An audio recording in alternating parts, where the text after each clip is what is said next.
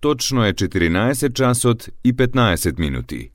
Ја следите програмата на македонски јазик на јавната медиумска установа Радио Телевизија Војводина, трета програма. Емисија Македониум.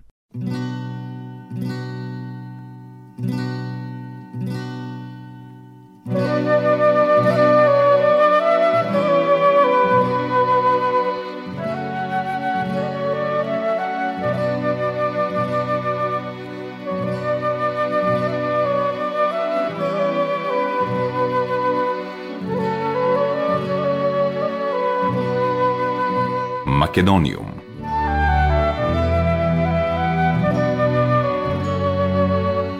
Добар ден и добре дојдовте во најновото издание на емисијата Македониум. Покрај тоа што емисијата Македониум можете да ја следите на фреквенциите на третата програма на радиото, не заборавајте дека можете да ја слушате и одложено по пат на интернет страницата на Радио Телевизија Војводина или пак преку подкаст сервисите на Apple и Google. Со вас, почитувани слушатели, е вашиот уредник и водител Јулијана Милутиновиќ.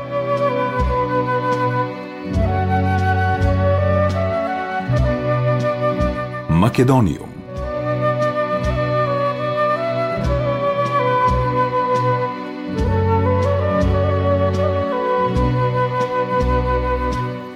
Единесети октомври е денот на народното востание на македонскиот народ против фашизмот и со тоа започнува борбата за ослободување на македонскиот народ. Иако пред 11 октомври предходеле и други настани за почеток на востанието против фашизмот во Македонија, се смета нападот кој прилепскиот партизански одред Гоце Делчев го извршил во Прилеп на 11 октомври 1941 година и во кој учествувале 16 партизани. Следниот ден во областа Студена вода во Кумановско е формиран Кумановскиот партизански одред. Ова е голем настан во македонската историја и поради тоа свечено се одбележува низ разни свечености и прослави. По повод овој празник во Република Македонија традиционално се доделуваат и наградите 11 октомври за животно дело во областа на науката, уметноста, стопанството и други дејности. Оваа година наградата од областа на културата и уметноста му се доделува на композиторот Љупчо Константинов. Нека ни е честит 11 октомври, денот на народното востание. Македониум Вечерва во просториите на Сдруженијето Кирил и Методи од Нови Сад, со почеток во 19 часот, ќе се одбележи празникот 11 октомври. На адресата на Сдруженијето Браќе Рибникар број 5, еден час предходно ќе можат да дојдат сите оние кои сакаат да го изучуваат македонскиот јазик низ работилниците за изучување на јазикот, кој ги организира ова новосадско здружение во предстојниот период. Часовите по македонски јазик ги одржува професорката Сања Субиќ. Македониум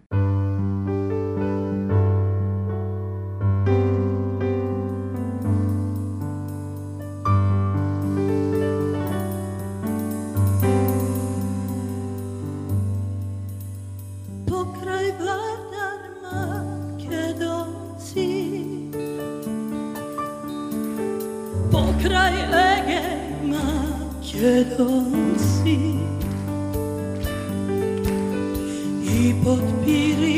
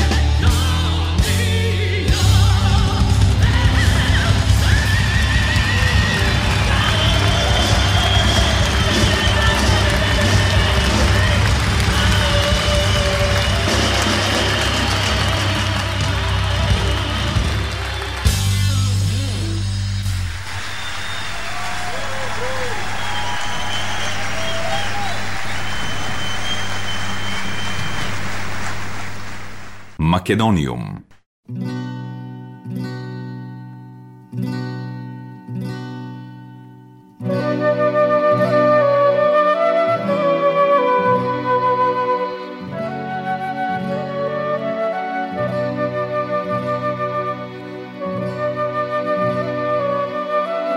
Една од најпрестижните меѓународни манифестации посветени на уметничката музика кај нас, во организација на музичката младина од Нови Сад, годинава на публиката ќе ја понуди девет внимателно одбрани концерти со брилијантни изведувачи од Србија, но и од над 10 земји во Европа и светот.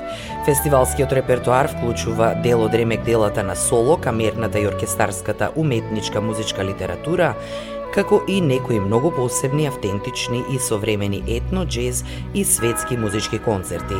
Концертите ќе се одржуваат на три локации: Новосадска синагога, Градска куќа и Српско народно позориште. Со концертот на Иво Погорелиќ и Војводинскиот симфониски оркестар на 18 октомври во синагогата ќе започне 43-тото издание на Номус, а честа да ги затвори годинешните новосадски музички свечености ќе ја има македонскиот пианист Симон Трпчески со негов неговиот проект Македонисимо, со кој уште пред 5 години со светската премиера во Германија ја започна оваа преубава музичка приказна. Квинтетот Македонисимо покрај Симон Трпчески е составен и од фантастичните македонски музичари Хидан Мабудов на кларинет, алт саксофон и кавал, Александар Краповски на виолина, Александар Сомов на виолончело и перкусионистот Владко Нушев. Македониум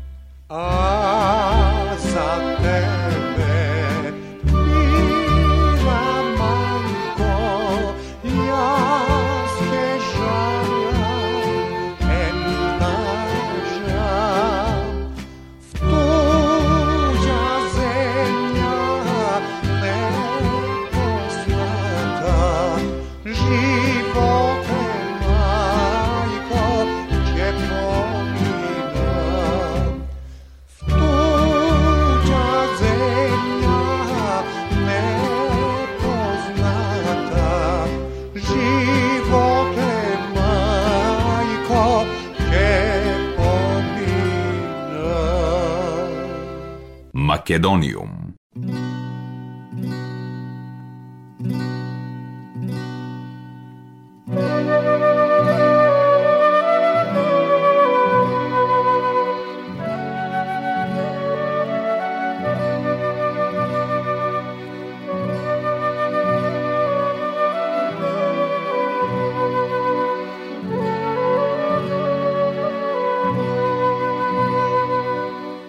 Денешното издание на Македониум ја имам таа чест да помуабетам со Владко Нушев, член на ансамблот Македонисимо со кој годинава ќе се заокружат новосадските музички свечености, перкусионист во оркестарот на Македонската опера и балет и професор на факултетот за музичка уметност во Скопје.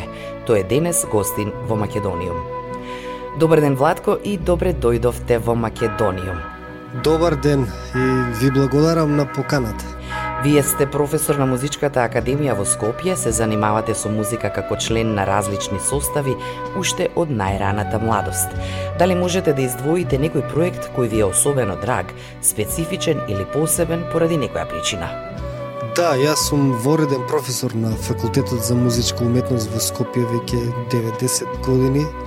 Но матична куќа ми е Македонската опера и балет, каде скоро 20 години сум дел од оркестарот како перкусионист како член на различни состави, бендови, сум активен од 92 година, а, би го издвоил проектот Македонисимо. На некој начин се чувствувам како да сум на мисија да ја представиме македонската а, музика, македонскиот фолклор ширум целиот свет.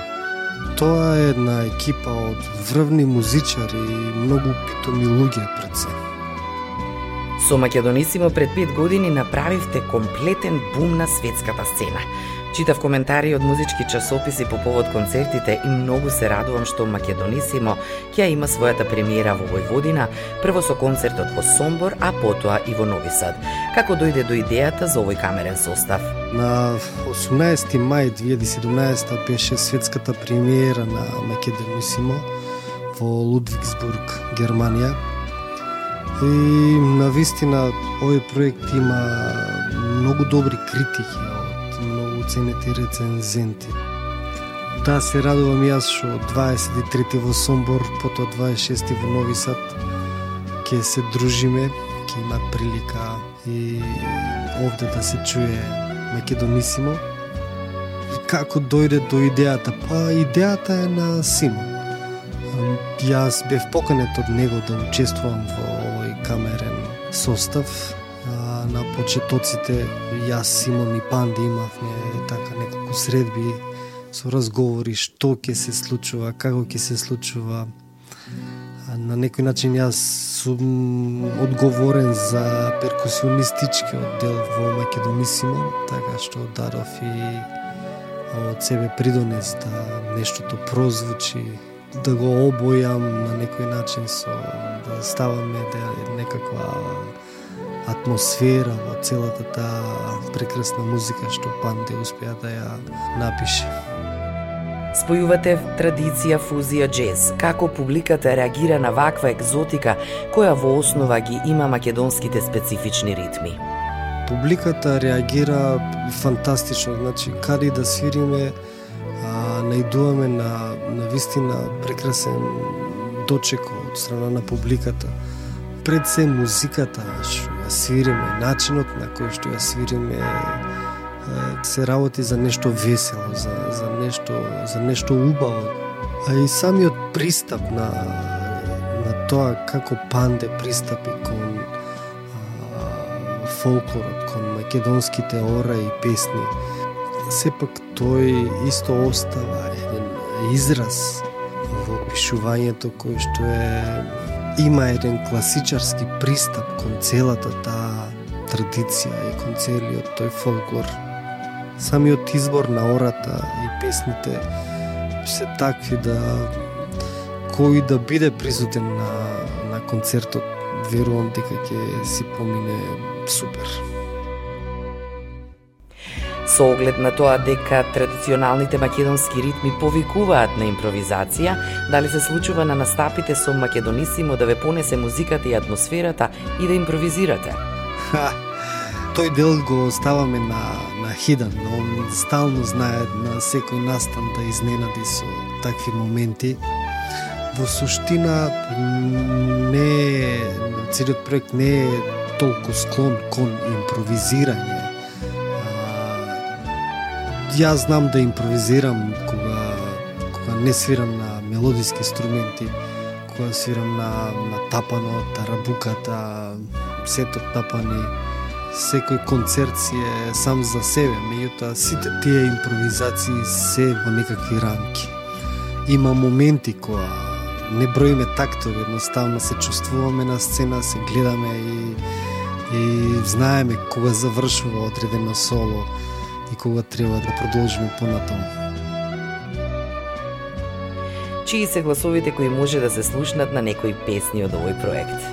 А, главниот пеач е Симон. А, он ги пее повеќето песни. Во Помниш ли Либе Тодоро пееме јас Симон и Хидан, а во Чучук на највеселото пееме сите.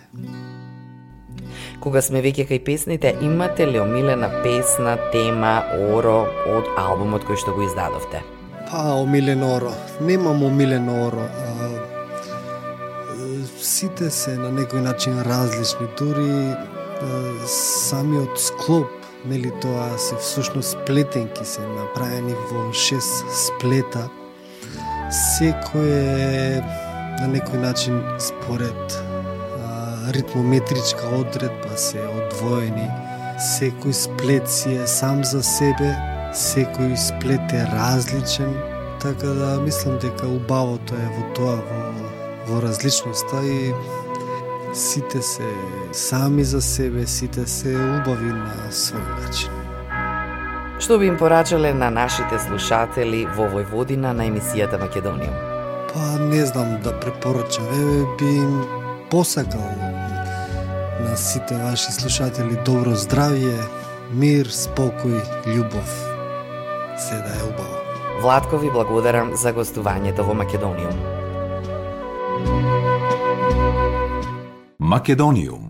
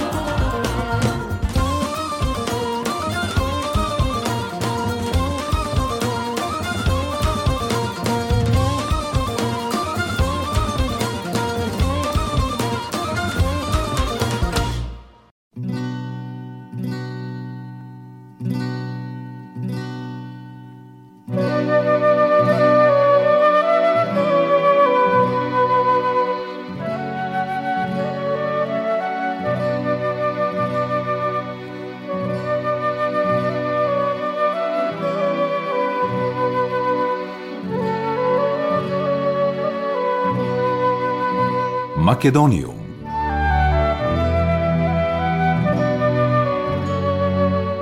Почитувани слушатели, тоа беше се во денешното издание на емисијата Македониум. Уште еднаш подсетување на самиот крај, емисијата Македониум можете да ја слушате одложено преку вебсајтот на Радио Телевизија Војводина, можете да ја слушате и на подкаст сервисите на Google и Apple. До следната среда во исто време, срдечен и голем поздрав од вашиот уредник и водител Јулијана Милутиновиќ.